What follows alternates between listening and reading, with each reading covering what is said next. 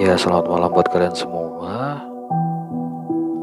Jadi, kali ini gue pengen bercerita tentang pengalaman gue ketika gue mengalami tentang cinta dalam diam.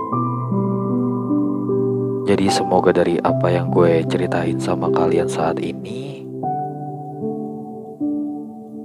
bisa menjadi sebuah pelajaran buat kalian dan semoga bisa mengantar kalian ke alam mimpi kalian.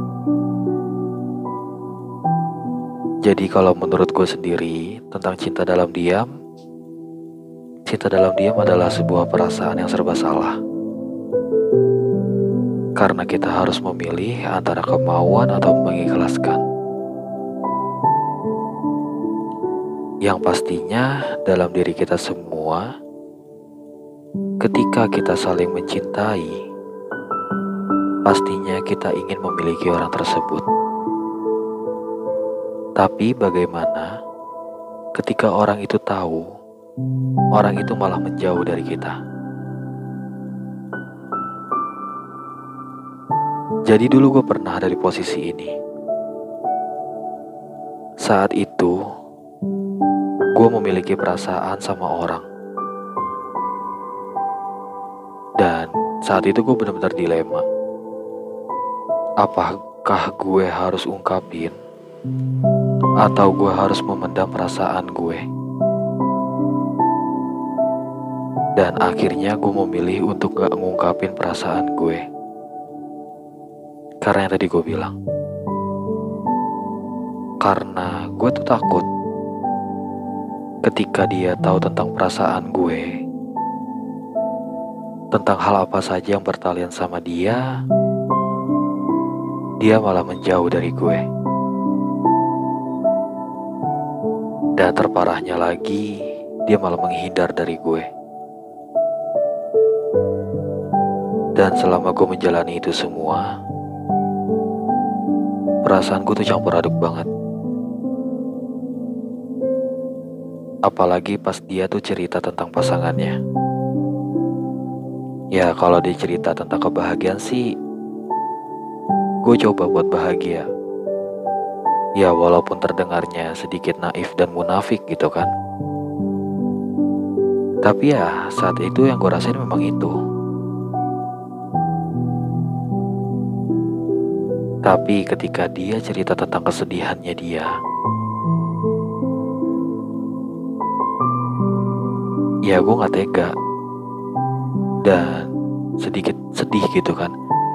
Karena gue gak bisa melihat sebuah lukisan indah yang tertaut dari wajahnya. Ya tapi mau gimana lagi? Itu semua udah jadi pilihan gue sendiri. Buat memendam apa yang gue rasain. Memendam apa saja yang bertalian sama dia. Jadi pernah, waktu itu dia cerita sama gue. Ketika dia lagi ada di titik terendahnya dia, saat dia lagi punya masalah sama pasangannya. Dan dia sempat ngucapin kayak gini ke gue. Andai aja lo punya kembaran.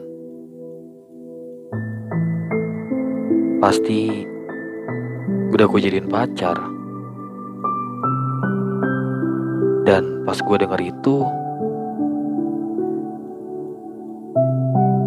gue speechless. Pengen banget gue bilang, kenapa gak sama gue aja?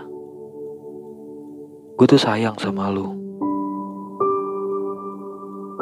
Ya, tapi mungkin karena rasa takut gue, atau memang gue aja yang pengecut. Yang bikin lidah gue kaku buat ngomong kayak gitu. Ya, balik lagi karena tadi. Karena saat itu menurut gue cinta dalam diam adalah cara terbaik gue buat mengek buat mengekspresikan cara rasa sayang gue buat dia gitu kan. Dan Sampai terakhir dia mau menikah,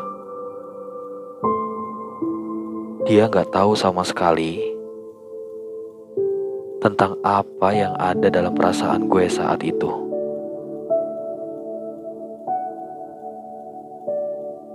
Dan dia tuh punya sahabat, sahabat dekat.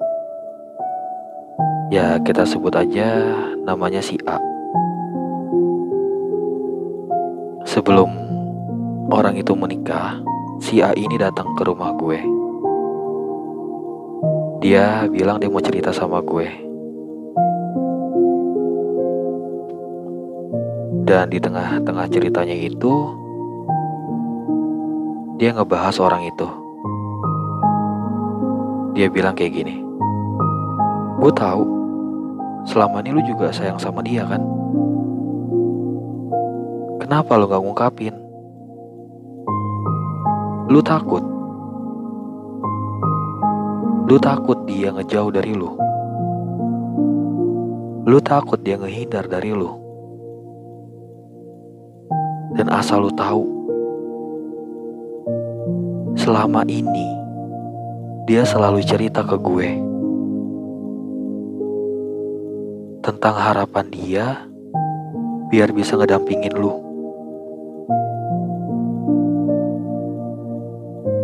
Biar bisa bahagia bareng sama lu.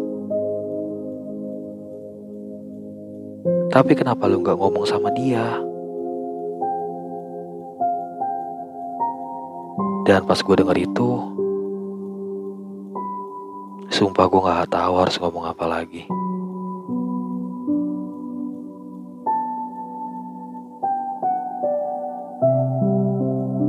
Pengen buat gue samperin dia.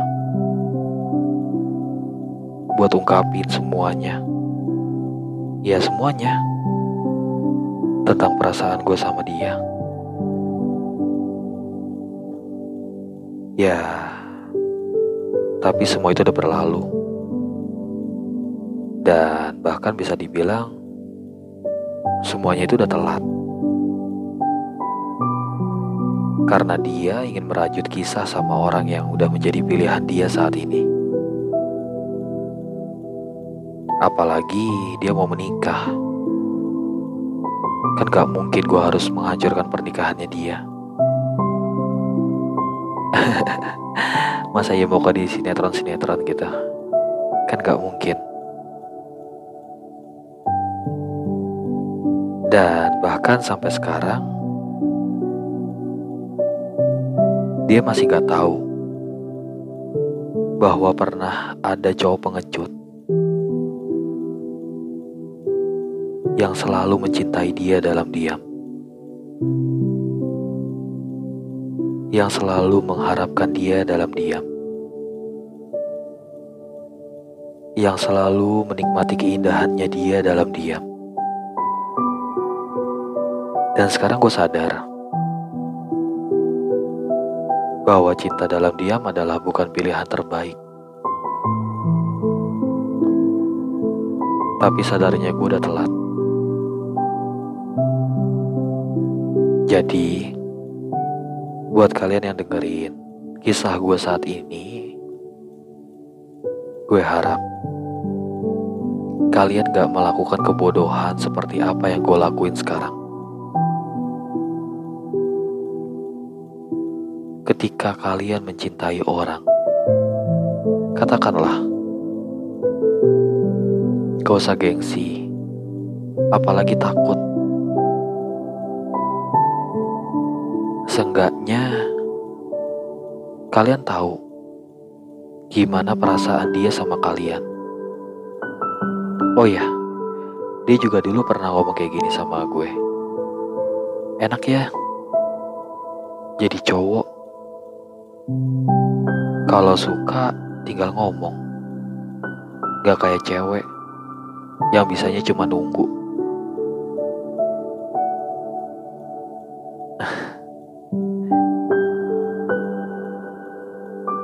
Tapi buat kalian semua yang cewek-cewek dengerin podcast gue kali ini, percayalah, harga diri kalian gak akan jatuh ketika kalian mengungkapin perasaan kalian duluan. Ya, walaupun pada dasarnya memang cowok yang harus ngungkapin duluan. Tapi kalau menurut gue pribadi gak ada salahnya kok ketika kalian yang ingin memulai duluan. Jadi pada intinya, cinta dalam diam bukanlah pilihan terbaik. Cinta dalam diam hanya menyakiti diri kalian nantinya. Cinta dalam diam hanya menghasilkan bom waktu yang sama sekali gak menguntungkan buat kedua belah pihak.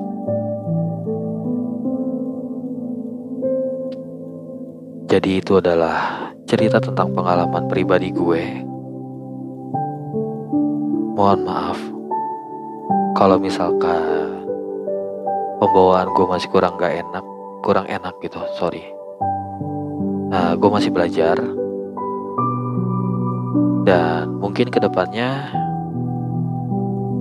gue bakal berbagi tentang pengalaman cerita bareng sama kalian lagi. Mungkin tentang cerita-cerita temen gue yang pernah dialamin sama temen gue sendiri dan tentunya atas izin mereka. Jadi kayaknya cukup sekian dulu cerita dari gue. Ingat, jangan jadi orang bodoh seperti gue. Jangan jadi orang pengecut seperti gue. Ketika kalian kangen, kalian bilang, Ketika kalian memiliki perasaan sama orang lain, kalian bilang, "Ya udah." Makasih ya kalian udah mau dengerin case gue kali ini. Semoga kalian selalu sehat dan diberikan kelancaran. Gue pamit undur diri, sampai bertemu lagi di sesi My Diary selanjutnya.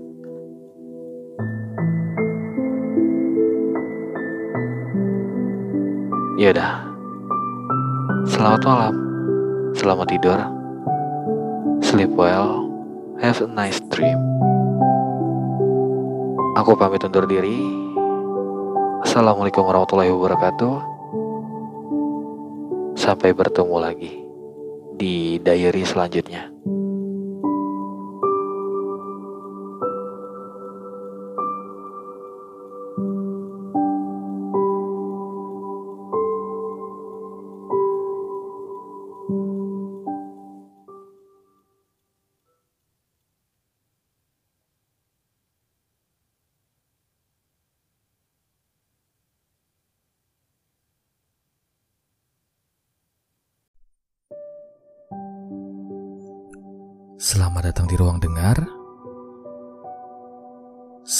Kisah yang aku ceritakan ke kalian dapat menemani dan mengantarkan kalian ke alam mimpi kalian. Kalian pernah gak sih merasa insecure? Kalian merasa bahwa kalian bukanlah apa-apa dibanding mereka.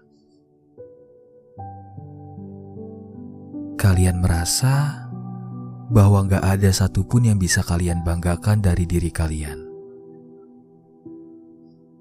Apalagi ketika orang-orang yang di sekitar kalian justru malah melontarkan kalimat-kalimat yang sekiranya dapat menjatuhkan kalian. Membuat mental kalian makin terpuruk. Dan mungkin beberapa dari kalian Ketika kalian merasa insecure, kalian mencari kata-kata atau quotes yang dapat membangkitkan semangat kalian. Dapat membuat perasaan kalian jauh lebih baik.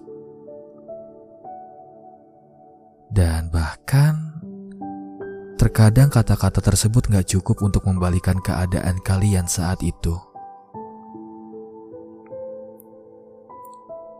Justru saat itu kalian lebih membutuhkan ada orang yang berada di samping kalian untuk membisikkan kata-kata yang sekiranya dapat membalikan kondisi kalian saat itu.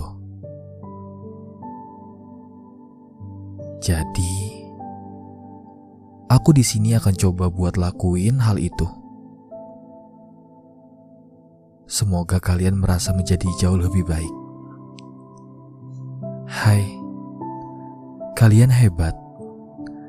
Kalian berarti dan kalian lebih dari apa yang mereka katakan. Jadi dulu aku pernah masuk di kondisi kayak gini.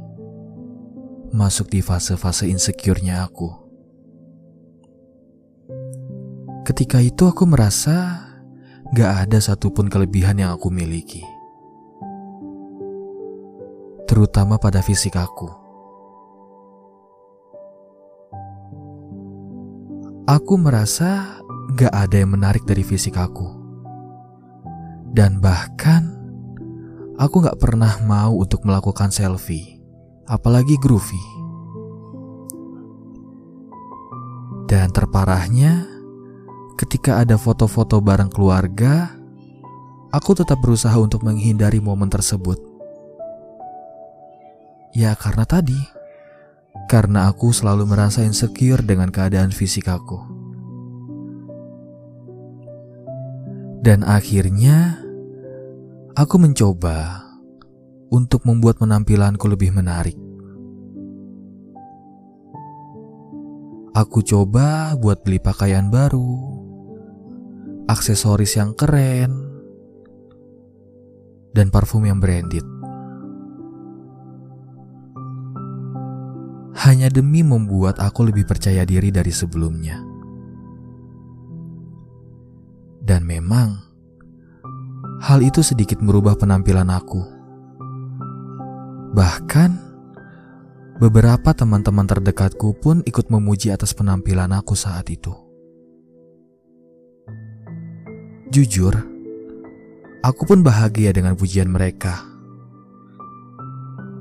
Karena gak bisa aku pungkiri, bahwa setiap pujian yang terlontar dari orang lain dapat membuat aku semakin percaya diri. Dan pujian-pujian tersebut bersifat adiktif. Karena aku merasa senang akan hal itu, aku senang mendapatkan pujian dari mereka. Akhirnya aku melanjutkan aktivitas aku yang seperti itu.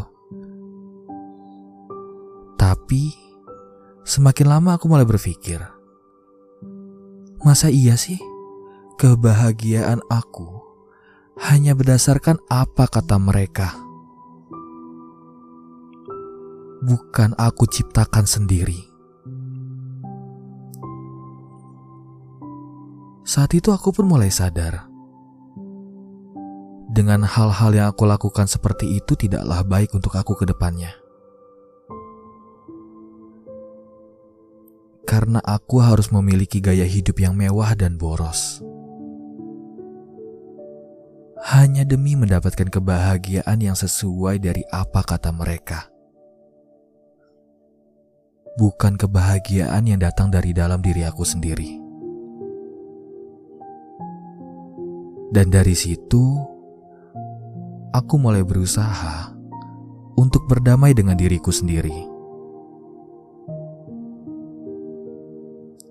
Karena aku sadar bahwa dalam fase insecure ini, karena aku sedang bertarung dengan diri aku sendiri.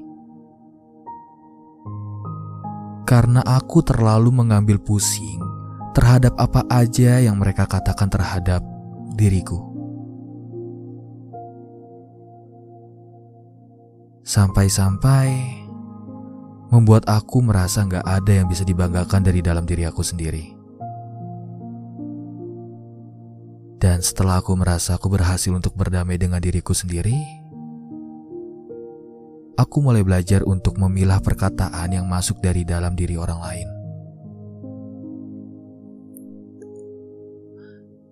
Karena aku sadar, aku hanya memiliki dua tangan yang gak akan pernah bisa untuk aku gunakan menutup mulut mereka yang memberikan setiap kata-kata negatif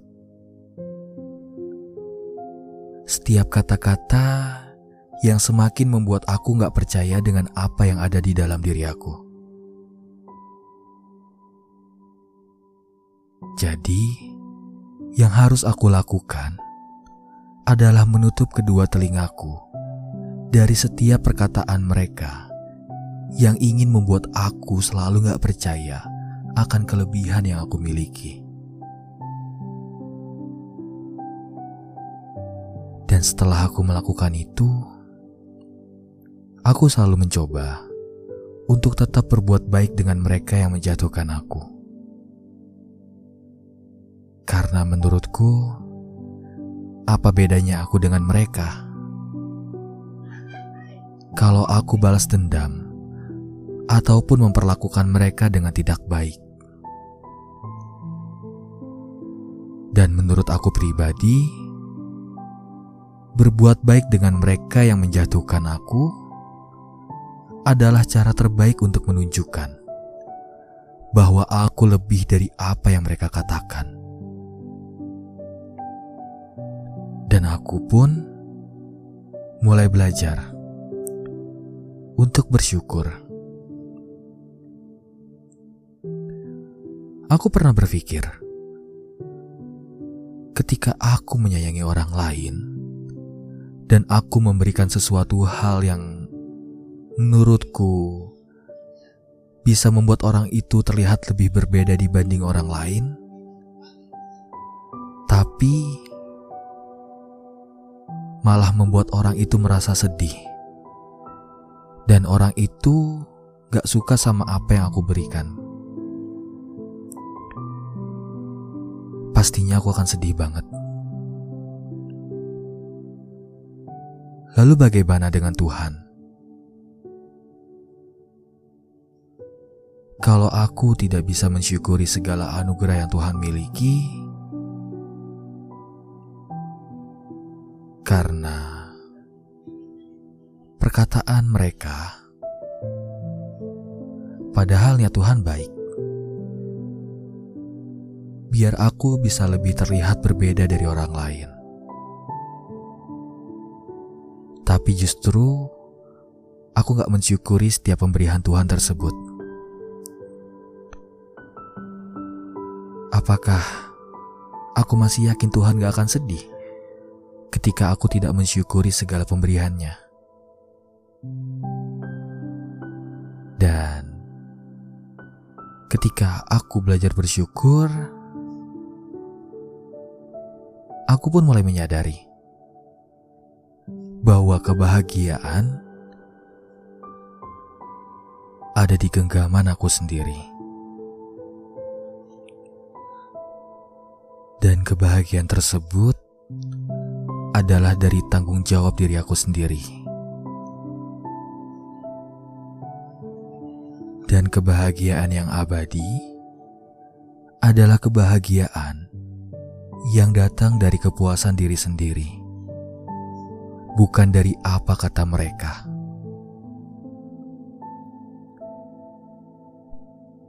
Jadi, itulah yang aku rasakan ketika aku berada di fase insecure. Semoga kalian yang merasa insecure setelah mendengarkan kisahku tadi, kalian bisa merasa jadi jauh lebih baik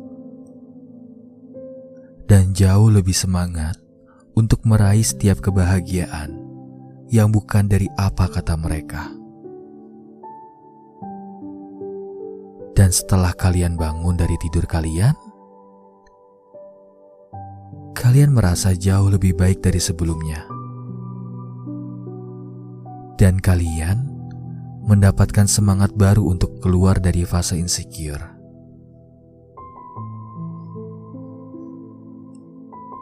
Jadi cukup sekian podcastku kali ini. Sampai ketemu lagi di kisahku selanjutnya.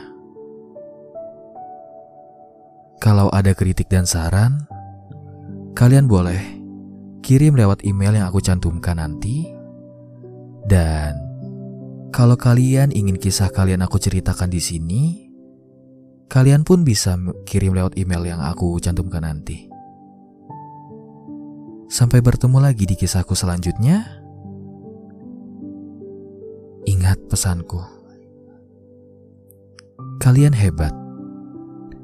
Kalian berarti. Dan kalian lebih dari apa yang mereka katakan. Salam dari ruang dengar.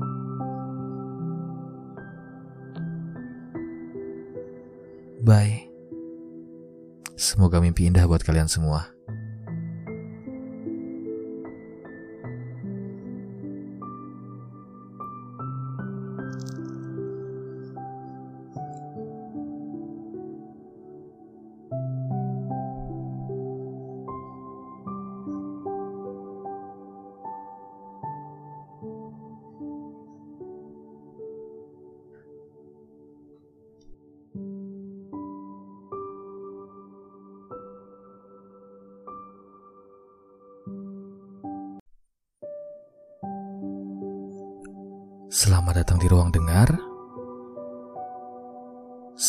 Kisah yang aku ceritakan ke kalian dapat menemani dan mengantarkan kalian ke alam mimpi kalian.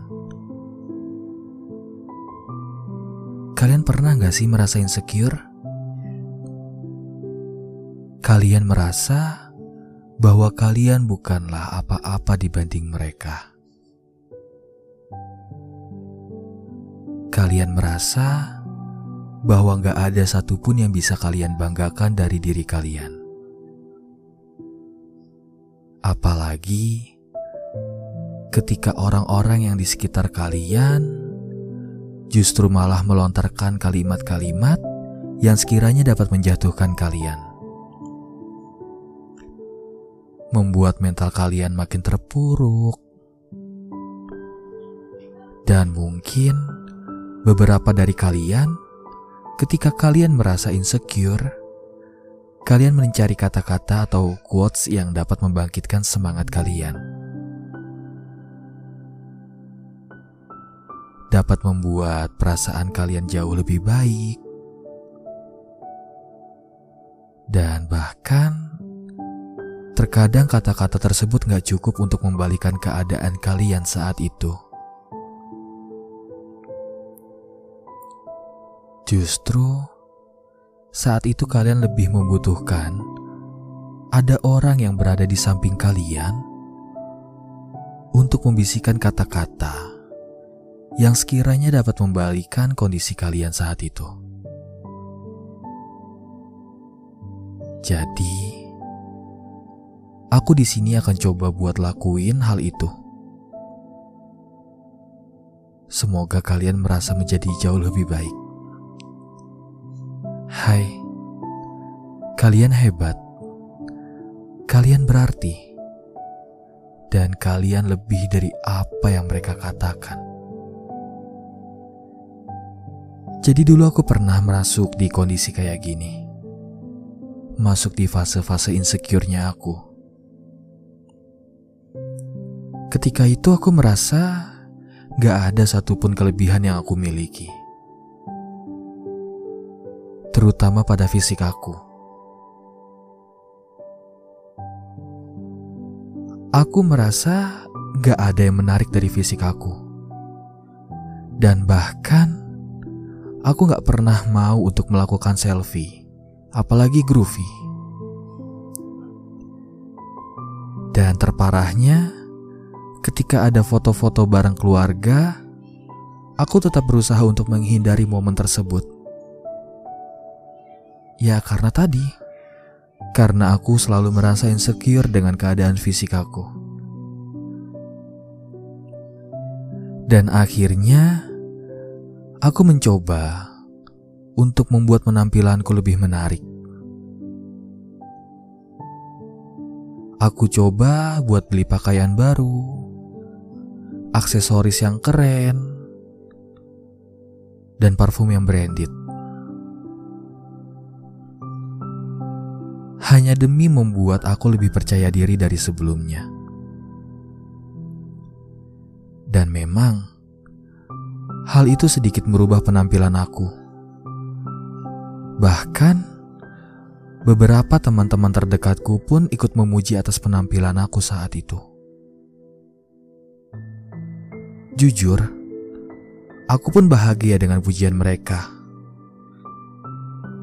Karena gak bisa aku pungkiri bahwa setiap pujian yang terlontar dari orang lain dapat membuat aku semakin percaya diri. Dan pujian-pujian tersebut bersifat adiktif. Karena aku merasa senang akan hal itu, aku senang mendapatkan pujian dari mereka. Akhirnya aku melanjutkan aktivitas aku yang seperti itu. Tapi semakin lama aku mulai berpikir, masa iya sih kebahagiaan aku hanya berdasarkan apa kata mereka? Bukan aku ciptakan sendiri. Saat itu aku pun mulai sadar. Dengan hal-hal yang aku lakukan seperti itu tidaklah baik untuk aku ke depannya. Karena aku harus memiliki gaya hidup yang mewah dan boros. Hanya demi mendapatkan kebahagiaan yang sesuai dari apa kata mereka. Bukan kebahagiaan yang datang dari dalam diri aku sendiri. Dan dari situ, aku mulai berusaha untuk berdamai dengan diriku sendiri. Karena aku sadar bahwa dalam fase insecure ini, karena aku sedang bertarung dengan diri aku sendiri. Karena aku terlalu mengambil pusing terhadap apa aja yang mereka katakan terhadap diriku. Sampai-sampai membuat aku merasa nggak ada yang bisa dibanggakan dari dalam diri aku sendiri. Dan setelah aku merasa aku berhasil untuk berdamai dengan diriku sendiri, aku mulai belajar untuk memilah perkataan yang masuk dari dalam diri orang lain. Karena aku sadar Aku hanya memiliki dua tangan yang gak akan pernah bisa untuk aku gunakan menutup mulut mereka yang memberikan setiap kata-kata negatif. Setiap kata-kata yang semakin membuat aku gak percaya dengan apa yang ada di dalam diri aku. Jadi, yang harus aku lakukan adalah menutup kedua telingaku dari setiap perkataan mereka yang ingin membuat aku selalu gak percaya akan kelebihan yang aku miliki. Dan setelah aku melakukan itu, aku selalu mencoba untuk tetap berbuat baik dengan mereka yang menjatuhkan aku. Karena menurutku, apa bedanya aku dengan mereka? kalau aku balas dendam ataupun memperlakukan mereka dengan tidak baik.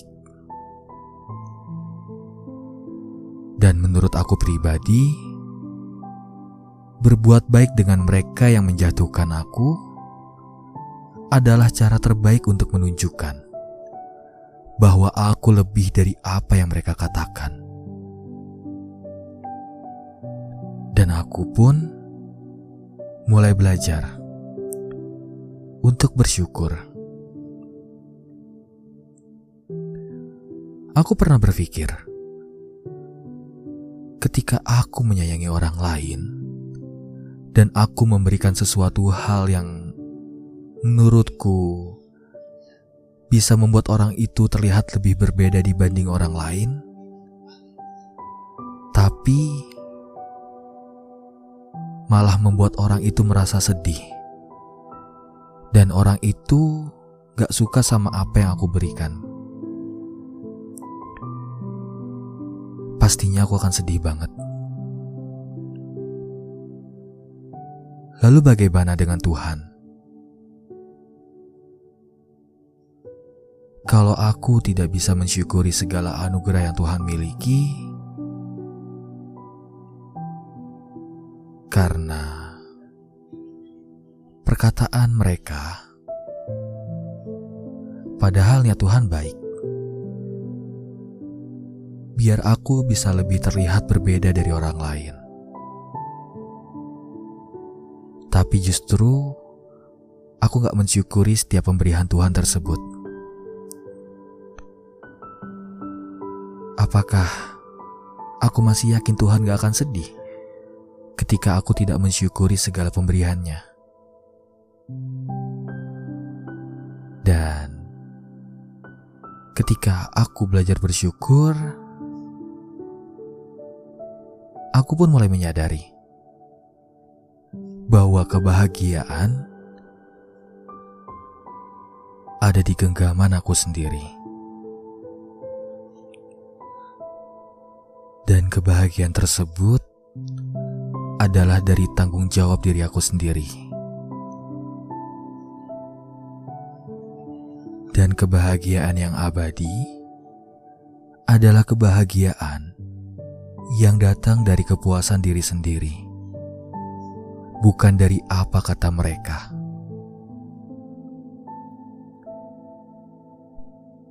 Jadi, Itulah yang aku rasakan ketika aku berada di fase insecure. Semoga kalian yang merasa insecure setelah mendengarkan kisahku tadi, kalian bisa merasa jadi jauh lebih baik dan jauh lebih semangat untuk meraih setiap kebahagiaan yang bukan dari apa kata mereka. Dan setelah kalian bangun dari tidur kalian, kalian merasa jauh lebih baik dari sebelumnya. Dan kalian mendapatkan semangat baru untuk keluar dari fase insecure.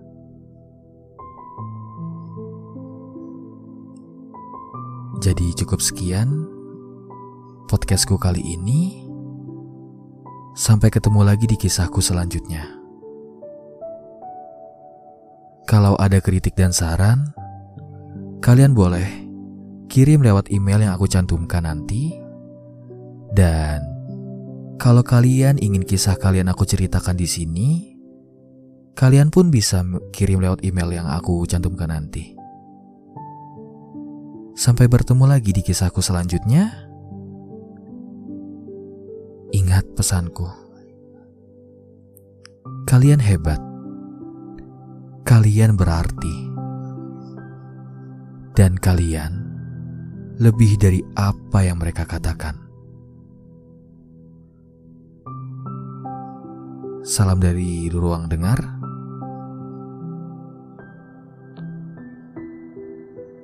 Bye. Semoga mimpi indah buat kalian semua.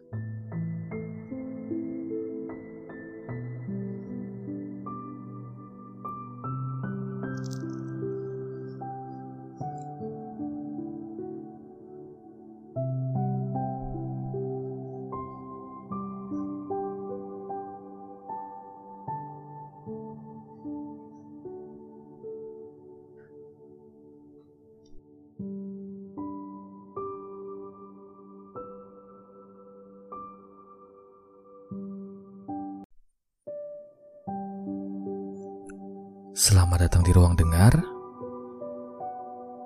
Semoga kisah yang aku ceritakan ke kalian dapat menemani dan mengantarkan kalian ke alam mimpi kalian. Kalian pernah gak sih merasa insecure?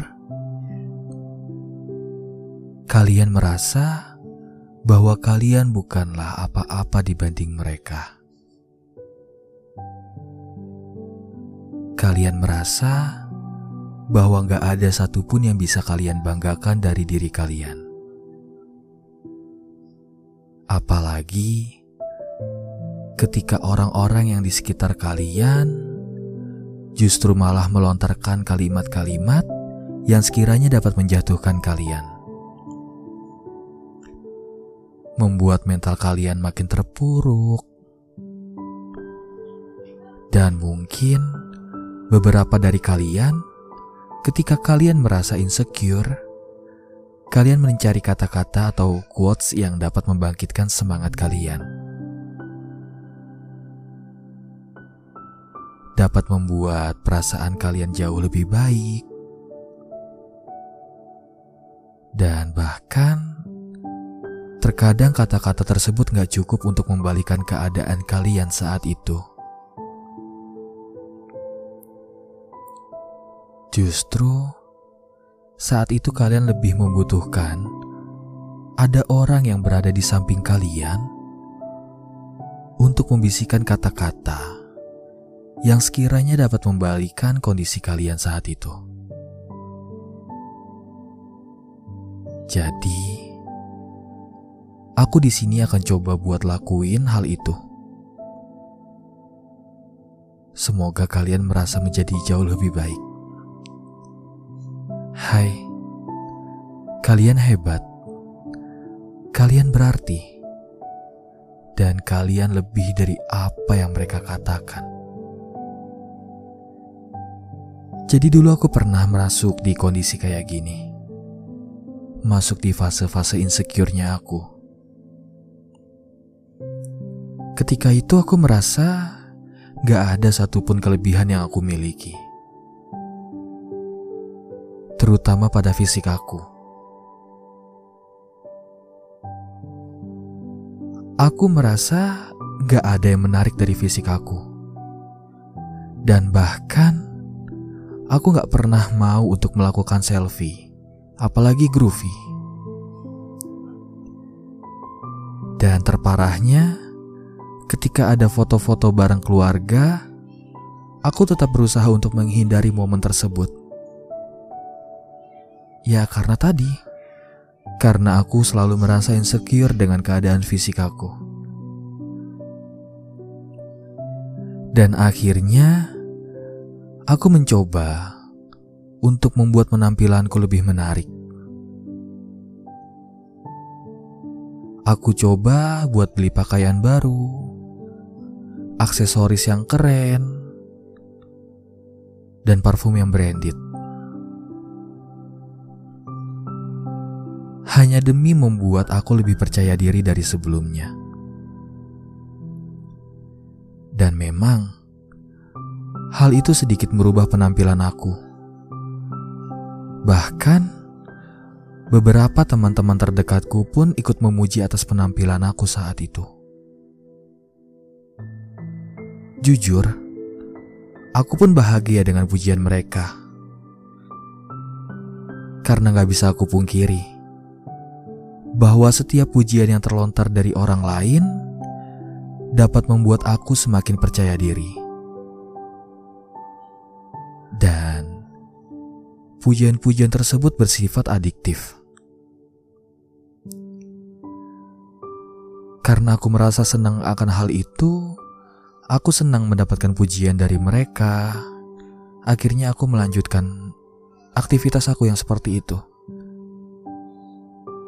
Tapi semakin lama aku mulai berpikir, masa iya sih kebahagiaan aku hanya berdasarkan apa kata mereka?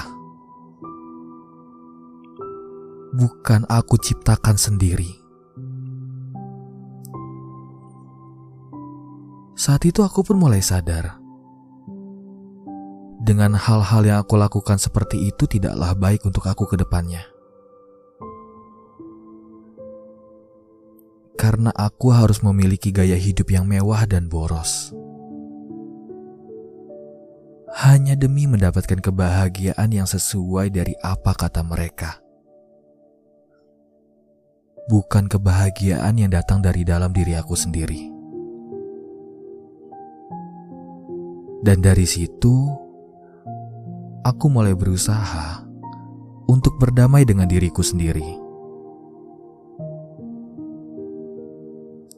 Karena aku sadar bahwa dalam fase insecure ini, karena aku sedang bertarung dengan diri aku sendiri. Karena aku terlalu mengambil pusing terhadap apa aja yang mereka katakan terhadap diriku. Sampai-sampai membuat aku merasa nggak ada yang bisa dibanggakan dari dalam diri aku sendiri. Dan setelah aku merasa aku berhasil untuk berdamai dengan diriku sendiri, aku mulai belajar untuk memilah perkataan yang masuk dari dalam diri orang lain. Karena aku sadar, aku hanya memiliki dua tangan yang gak akan pernah bisa untuk aku gunakan menutup mulut mereka yang memberikan setiap kata-kata negatif. Setiap kata-kata yang semakin membuat aku gak percaya dengan apa yang ada di dalam diri aku. Jadi, yang harus aku lakukan adalah menutup kedua telingaku dari setiap perkataan mereka yang ingin membuat aku selalu gak percaya akan kelebihan yang aku miliki.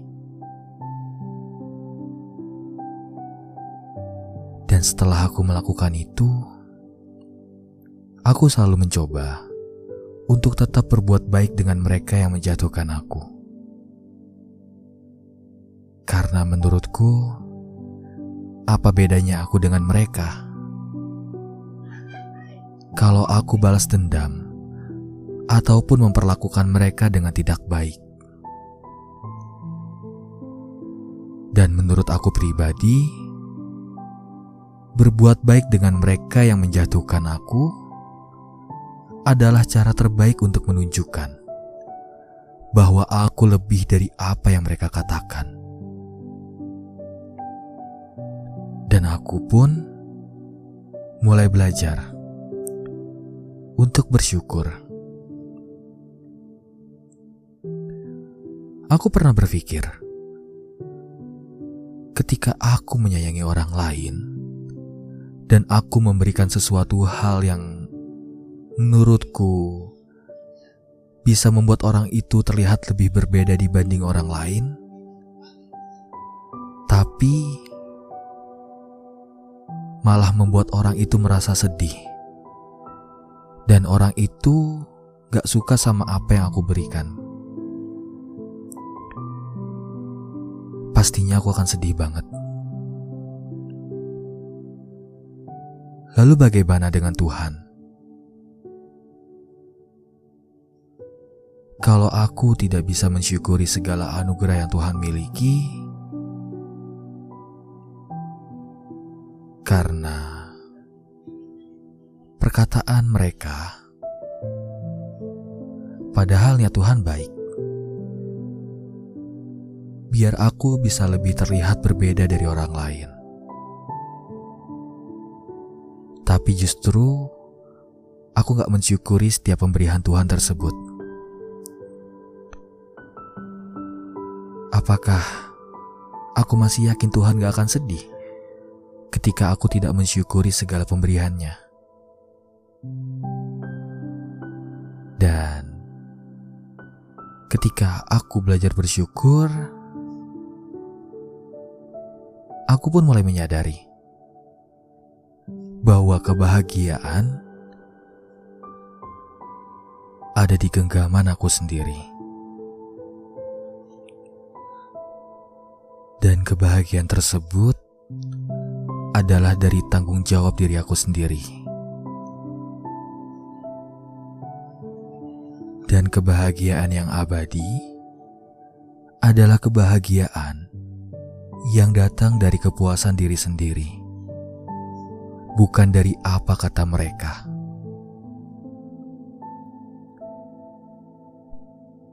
Jadi, itulah yang aku rasakan ketika aku berada di fase insecure. Semoga kalian yang merasa insecure setelah mendengarkan kisahku tadi kalian bisa merasa jadi jauh lebih baik dan jauh lebih semangat untuk meraih setiap kebahagiaan yang bukan dari apa kata mereka. Dan setelah kalian bangun dari tidur kalian, kalian merasa jauh lebih baik dari sebelumnya. dan kalian mendapatkan semangat baru untuk keluar dari fase insecure.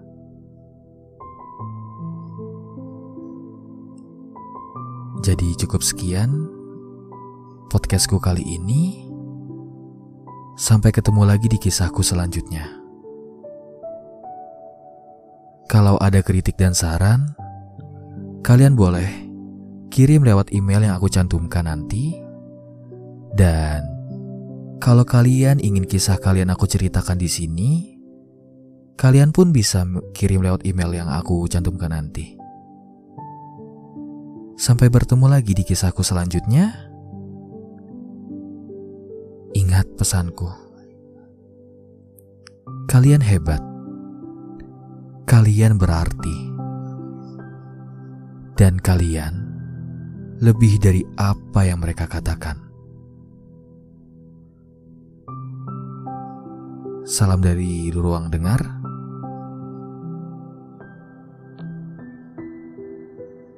Bye. Semoga mimpi indah buat kalian semua.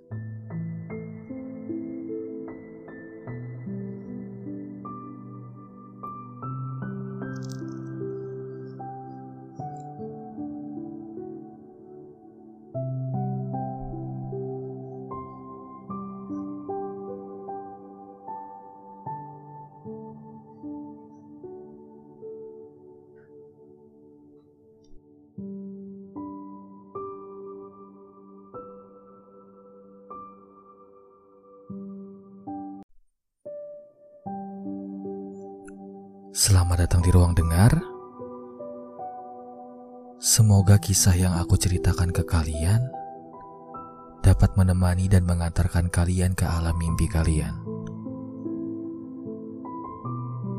Kalian pernah gak sih merasa insecure? Kalian merasa bahwa kalian bukanlah apa-apa dibanding mereka. Kalian merasa bahwa nggak ada satupun yang bisa kalian banggakan dari diri kalian. Apalagi ketika orang-orang yang di sekitar kalian justru malah melontarkan kalimat-kalimat yang sekiranya dapat menjatuhkan kalian. Membuat mental kalian makin terpuruk. Dan mungkin beberapa dari kalian Ketika kalian merasa insecure, kalian mencari kata-kata atau quotes yang dapat membangkitkan semangat kalian. Dapat membuat perasaan kalian jauh lebih baik. Dan bahkan, terkadang kata-kata tersebut gak cukup untuk membalikan keadaan kalian saat itu. Justru saat itu kalian lebih membutuhkan ada orang yang berada di samping kalian untuk membisikkan kata-kata yang sekiranya dapat membalikan kondisi kalian saat itu. Jadi, aku di sini akan coba buat lakuin hal itu. Semoga kalian merasa menjadi jauh lebih baik. Hai, kalian hebat, kalian berarti, dan kalian lebih dari apa yang mereka katakan. Jadi, dulu aku pernah masuk di kondisi kayak gini, masuk di fase-fase insecure-nya aku. Ketika itu, aku merasa gak ada satupun kelebihan yang aku miliki terutama pada fisik aku. Aku merasa gak ada yang menarik dari fisik aku. Dan bahkan, aku gak pernah mau untuk melakukan selfie, apalagi groovy. Dan terparahnya, ketika ada foto-foto bareng keluarga, aku tetap berusaha untuk menghindari momen tersebut. Ya karena tadi, karena aku selalu merasa insecure dengan keadaan fisik aku. Dan akhirnya, aku mencoba untuk membuat penampilanku lebih menarik. Aku coba buat beli pakaian baru, aksesoris yang keren, dan parfum yang branded. Hanya demi membuat aku lebih percaya diri dari sebelumnya. Dan memang, hal itu sedikit merubah penampilan aku. Bahkan, Beberapa teman-teman terdekatku pun ikut memuji atas penampilan aku saat itu. Jujur, aku pun bahagia dengan pujian mereka. Karena gak bisa aku pungkiri bahwa setiap pujian yang terlontar dari orang lain dapat membuat aku semakin percaya diri. Dan pujian-pujian tersebut bersifat adiktif. Karena aku merasa senang akan hal itu, aku senang mendapatkan pujian dari mereka. Akhirnya aku melanjutkan aktivitas aku yang seperti itu. Tapi, semakin lama aku mulai berpikir, masa iya sih kebahagiaan aku hanya berdasarkan apa kata mereka? Bukan aku ciptakan sendiri. Saat itu aku pun mulai sadar. Dengan hal-hal yang aku lakukan seperti itu tidaklah baik untuk aku ke depannya. Karena aku harus memiliki gaya hidup yang mewah dan boros. Hanya demi mendapatkan kebahagiaan yang sesuai dari apa kata mereka. Bukan kebahagiaan yang datang dari dalam diri aku sendiri. Dan dari situ, aku mulai berusaha untuk berdamai dengan diriku sendiri. Karena aku sadar bahwa dalam fase insecure ini, karena aku sedang bertarung dengan diri aku sendiri. Karena aku terlalu mengambil pusing terhadap apa aja yang mereka katakan terhadap diriku. Sampai-sampai membuat aku merasa nggak ada yang bisa dibanggakan dari dalam diri aku sendiri. Dan setelah aku merasa aku berhasil untuk berdamai dengan diriku sendiri, aku mulai belajar untuk memilah perkataan yang masuk dari dalam diri orang lain. Karena aku sadar Aku hanya memiliki dua tangan yang gak akan pernah bisa untuk aku gunakan menutup mulut mereka yang memberikan setiap kata-kata negatif. Setiap kata-kata yang semakin membuat aku gak percaya dengan apa yang ada di dalam diri aku. Jadi, yang harus aku lakukan adalah menutup kedua telingaku dari setiap perkataan mereka yang ingin membuat aku selalu gak percaya akan kelebihan yang aku miliki. Dan setelah aku melakukan itu, aku selalu mencoba untuk tetap berbuat baik dengan mereka yang menjatuhkan aku. Karena menurutku, apa bedanya aku dengan mereka? kalau aku balas dendam ataupun memperlakukan mereka dengan tidak baik.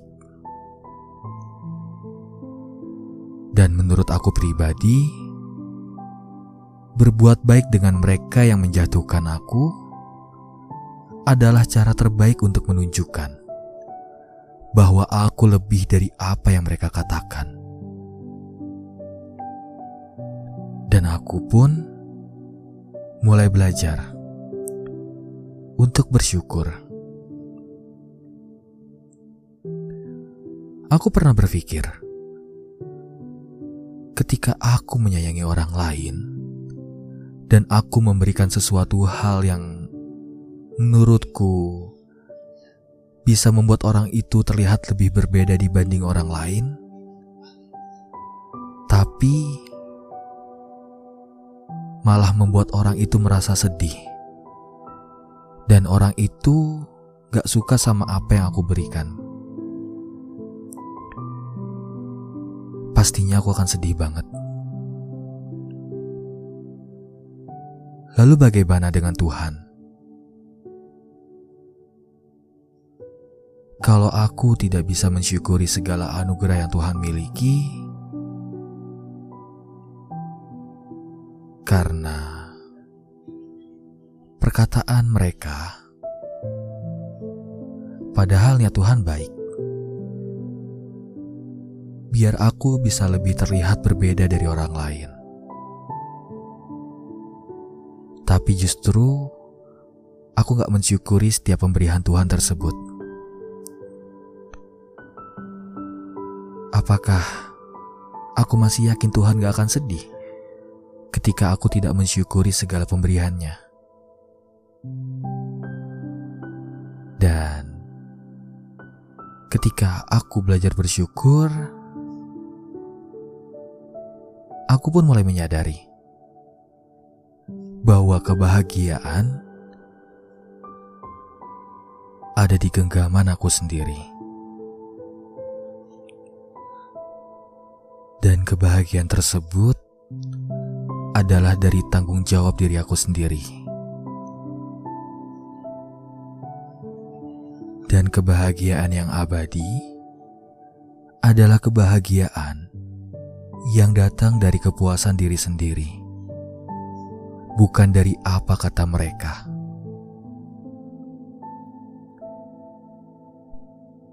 Jadi, itulah yang aku rasakan ketika aku berada di fase insecure. Semoga kalian yang merasa insecure setelah mendengarkan kisahku tadi, kalian bisa merasa jadi jauh lebih baik dan jauh lebih semangat untuk meraih setiap kebahagiaan yang bukan dari apa kata mereka. Dan setelah kalian bangun dari tidur kalian, kalian merasa jauh lebih baik dari sebelumnya. Dan kalian mendapatkan semangat baru untuk keluar dari fase insecure.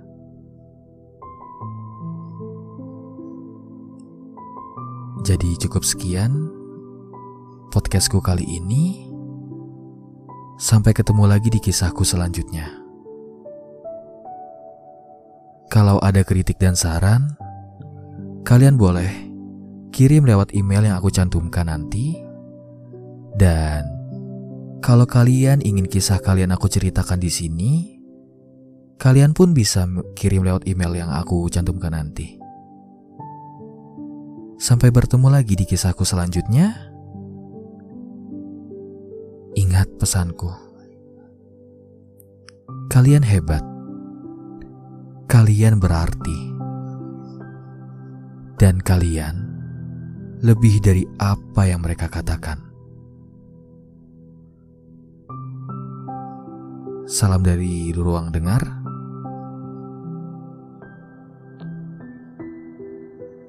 Bye. Semoga mimpi indah buat kalian semua.